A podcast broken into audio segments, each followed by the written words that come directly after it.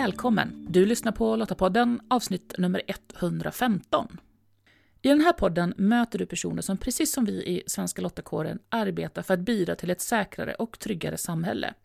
Och du möter dem tillsammans med mig, Maria Öst. Lottapodden den är producerad av Svenska Lottakåren, en frivillig försvarsorganisation som engagerar och utbildar kvinnor som vill göra skillnad för att stärka samhällets krisberedskap och totalförsvaret. När någonting oväntat händer är det en fördel att vara förberedd och så även när en kris drabbar samhället, som till exempel nu pandemin. Och vi är alla ansvariga för att göra vår del för att förbereda oss så att vi tillsammans hjälper till att göra samhället robust när en kris inträffar. Annika Elmgart är tillförordnad chef för avdelningen för krisberedskap och civilt försvar på Myndigheten för samhällsskydd och beredskap, MSB. Och vårt samtal i det här avsnittet det handlar om hur vi som samhälle påverkas av en kris och hur vi kan förbereda oss för att stå bättre rustade inför nästa kris. Annika, välkommen till Lottapodden. Tack så mycket. Kan inte du bara börja med att lite kort beskriva, vem är du? Jag arbetar som tillförordnad avdelningschef för avdelning för krisberedskap och civilt försvar på MSB, Myndigheten för samhällsskydd och beredskap. Och MSB har ju varit ganska mycket i fokus nu eh, under pandemiåret också. Men bara för att sätta det i sin kontext, vad är uppdraget och ansvaret för myndigheten? Ja, vi på MSB har ett väldigt brett, eh, brett uppdrag och det rör ju ett, ett spektrum av frågor som rör skydd mot olyckor, krisberedskap och civilt försvar. Eh, och ansvaret avser åtgärder som är då både före och under och efter en olycka, eh, kris eller krigsfara. Och ordet kris, alltså när vi pratar om samhällskris, vad är det vi menar då egentligen? Jag tänker att kriser kan se väldigt eh, olika ut och de kan vara svåra att förutsäga. Eh, men de är ofta, ofta förknippade med beroende och sårbarheter i hur samhället fungerar till vardags. Så jag tänker mig när vi pratar om en samhällskris, då är det väl en stor påfrestning som hotar de grundläggande funktionerna och värdena i samhället. Att samhällsfunktionerna inte kan fungera som vi är vana vid. Det kan ju vara en pandemi till exempel som vi har nu. Mm. Eller kan det vara vattenbrist eller extremväder. Det kan ju vara väldigt olika slags händelser och det kan ju vara någonting som är väldigt kort eller väldigt långt. Kan det också vara så att det kan vara geografiskt eh, avgränsat? Jag tänker pandemin har ju påverkat hela landet. Ja precis och så har vi ju haft våra erfarenheter av skogsbränderna som, ja något år brann det på många delar av landet men vi hade också Västmanlandbranden 2015. Det var ju en del av landet. Mm. Så det kan ju både vara, eller stormen Gudrun för den delen, eh, geografiskt avgränsat naturligtvis. Men det blir väl mer och mer eh, att eh, det kan påverka lite större delar eftersom vi har så mycket beroenden mellan varandra och mellan sektorer och av transporter som ska gå, av reservdelar med mera. Och du och dina medarbetare, då, vad gör ni dagligdags? MSB arbetar ju både operativt, vi har ett operativt uppdrag eh, som går ut och bidrar med samordning och stöd för att hantera konsekvenserna av en pågående olycka, kris och katastrof. Men sen arbetar vi också förberedande med att göra förberedelser så att vi ska vara bättre förberedda när någonting inträffar med beredskapsplanering med mera. Sen har vi också ett viktigt ansvar när det gäller att inrikta, finansiera och stötta beredskapsplaneringen.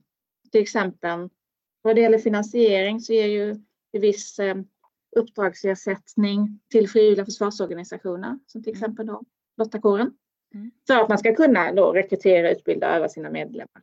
Så att ni är bättre förberedda om en kris inträffar. Om samhället behöver, behöver hjälpen som förstärkningsresurs. Och jag tänker att nu har vi ju alla under pandemin känt av hur ett samhälle kan påverkas. Men jag, jag tänker att vi har ju ändå haft det relativt bra för de grundläggande funktionerna som att vi kan, vi kan öppna vattenkranen och vattnet ringer och vi, äh, rinner och vi kan gå på toa och vi, även om vi får tänka efter lite så kan vi faktiskt ändå eh, gå till affären och, och, handla mat. Men hur, rent generellt brukar, kan man se att ett samhälle påverkas av en kris? Även där så um, sker det på många olika sätt och det är både stora och små effekter. Och eh, även om vi nu som du säger fortfarande kan göra många av de grundläggande eh, behoven så har vi ändå behövt ändra på en del saker. Mm. Och det är väl typiskt för en kris, att vi kan inte fortsätta som vanligt. Eh, det gäller ju allting från att, eh, Många av oss jobbar på ett annat sätt. Vi sitter hemma och jobbar. Vi umgås på ett annat sätt. Vi kan inte träffas. Um, och vi konsumerar på ett annat sätt. Vi köper mer, vi köper hem mat på nätet kanske om vi kan göra det istället. Men det har ju även påverkat andra grundläggande samhällsfunktioner som till exempel skola som till viss del har haft distansundervisning. Så det är väl mycket att vi måste hitta nya sätt att, att göra saker och ting på. Mm. Sen kan det naturligtvis gå längre än så som du säger att samhällsfunktionerna inte fungerar längre. Och vad vi har sett i den här pågående krisen har varit en del av till exempel brist på skyddsutrustning. Vi hade ju även tidigt i, i pandemin när plötsligt toalettpapper är slut. Mm. För att vi trodde att det skulle ta slut. Så man kan ju också se en viss del av när oron sprider sig i samhället och vi börjar bete oss på sätt som kanske inte är det bästa för krisen. Det är väl också ett, ett, mm. Eh, ett tecken. Men hur kan vi då som samhälle förbereda oss för en kris? Hur kan vi bli bättre till nästa gång det händer? Det här att förbereda samhället för en kris, det är någonting som vi verkligen måste ta ett kollektivt ansvar för. Även om naturligtvis offentliga aktörer, de har ett stort ansvar. Eh, men även andra företag, organisationer, frivilliga och enskilda har också ett stort ansvar för att förbereda oss så gott vi kan. Och när det gäller mer organisationer och företag och myndigheter så handlar det mycket om att ha att kontinuitetshantera. Alltså att ha en plan B. Vad gör jag om elen inte finns där? Vad gör jag om jag inte får transporter på det sätt jag har tänkt mig? Men sen kan man även se det på det, det, privata planet. Den enskilda människan kan ju också göra så mycket som man kan utifrån sina egna förutsättningar. Mm. Då tänker jag till exempel på att ha viss hemberedskap, det är också så att om de av oss som, som kan förbereda sig så kan de allmänna resurserna gå till de som inte har den möjligheten. Mm. Genom att vi själva, vi tar hand om oss själva och, och kanske också kan, kan hjälpa eh, andra personer som inte klarar av det själva. Hur har du själv förberett dig? Jag har väl ett eh, hyfsat, eh, en hyfsad hemberedskap hemma ska jag säga utifrån de eh, behoven som vi har eh, med eh, mat och vatten med mera. Sen har jag också lite så vi skulle kunna klara om vi inte fick någon, någon värme på ett tag med ved med mera. Ja, för jag tänker det där är ju lite viktigt att fundera på de behov som, och, och utgå ifrån de behov som, som man själv har. För det ser ju lite olika ut naturligtvis beroende på, på hur vi bor och hur många vi är, och om vi har husdjur eller inte och sådär. Ja, precis. Så vi, vi hade ju broschyren om krisen eller kriget kommer som skickades ut för något år sedan till hushållen i Sverige. Och där kan man också se när vi har sett eh, på eh, arbetet som gjort efter den att det ser lite olika ut också med de möjligheterna man har att, att förbereda sig mm. Eh, och hur förberedd man är. Mm. Och det skiljer ju också en hel del på, på landsbygden eller i storstaden och dels landsbygden man kanske är mer van vid att hantera ett elavbrott och vissa i storstäderna bor väldigt smått och har inte plats för stora lager med mera. Mm. Men det är väldigt viktigt, precis som du säger, att tänka utifrån sin egen, sin egen situation. Nu har vi ju levt med den här coronapandemin i ett år snart. Eh, och du var ju inne på eh, hur samhället har, har påverkats utav det och hur, definitivt hur vi som individer har fått ändra våra, många av våra rutiner och vår, och vår vardag för att det här ska funka. Men det är ju inte riktigt slut än. Och, ja, men hur ska vi tänka fortsatt framåt, tänker jag. Eh, nu, vaccin, vaccinationerna är ju igång, men det kommer ju ta ett tag innan, innan vi alla eh, är vaccinerade som, och, och, kan på något vis gå tillbaka till någon slags normal vardag. Men vad skulle du vilja skicka med kring hur vi ska fortsätta bete oss? Jag tänker att pandemin egentligen har varit ett stort eh, stresstest för hela samhället och, och krisberedskapen. Och det har ju verkligen synliggjort de, de sårbarheterna och de utmaningarna vi, vi har i vårt samhälle. Och det är någonting som jag på lång sikt hoppas att vi tar med oss. Det har varit mer diskussioner kring hur vi borde vara förberedda, alltså vi nationellt också. Eh, hur ska vi se på till exempel beredskapslager som tidigare har tagits bort? Är det någonting vi behöver igen? Hur ser det ut inom olika sektorer? Så på lång, lång sikt så, så hoppas jag att vi, att vi kommer se på hur vi gör oss robustare och arbetar ännu mycket mer med att, att ha en plan B för att klara av det oförutsedda. Mm.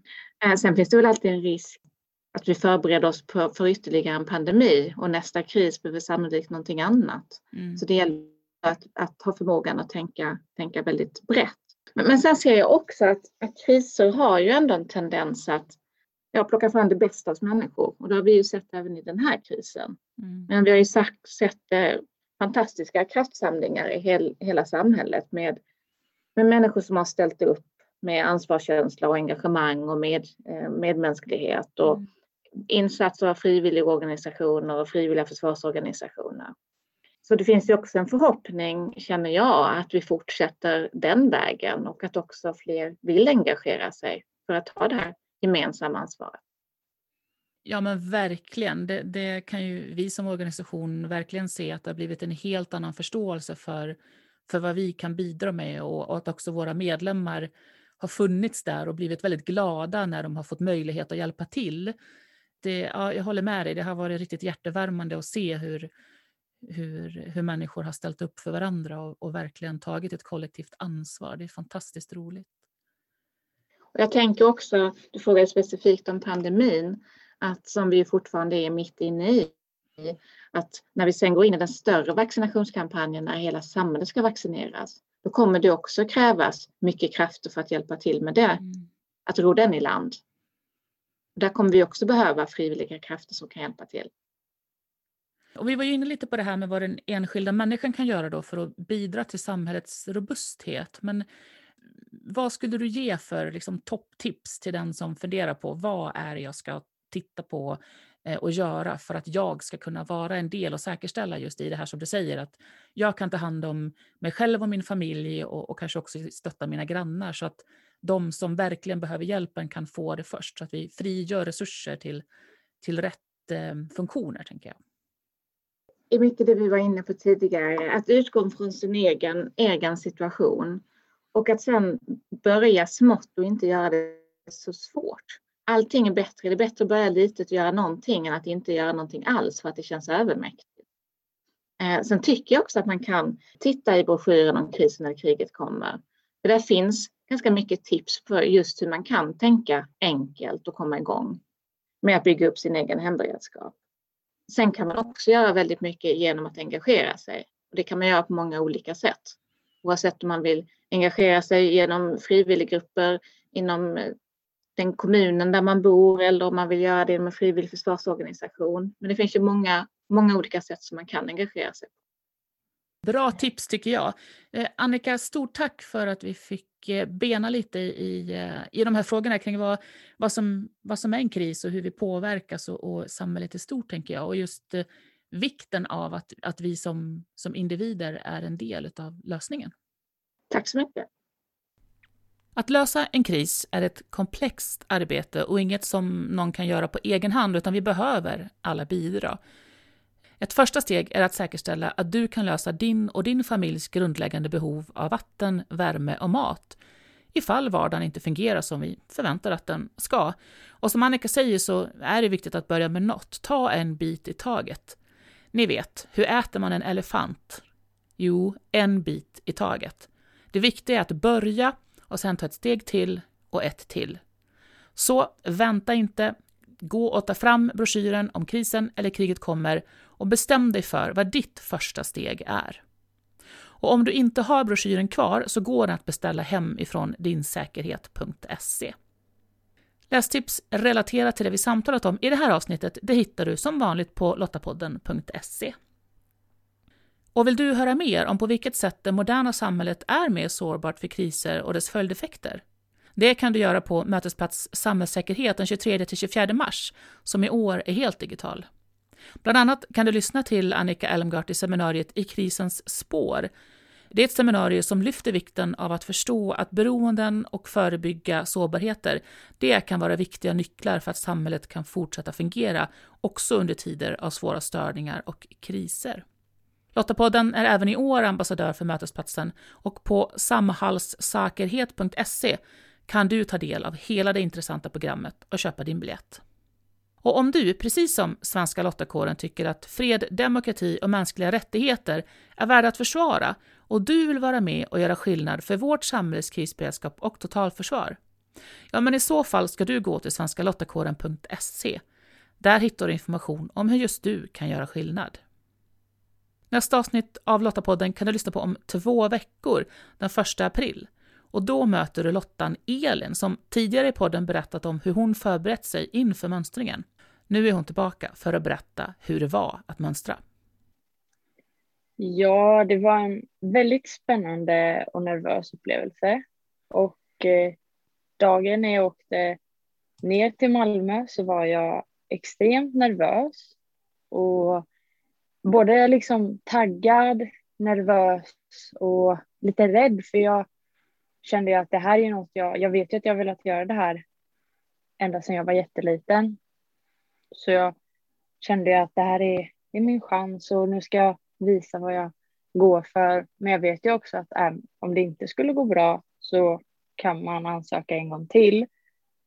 Men jag kände ändå att det är klart jag vill klara det på första försöket för det här är något jag, jag verkligen vill göra.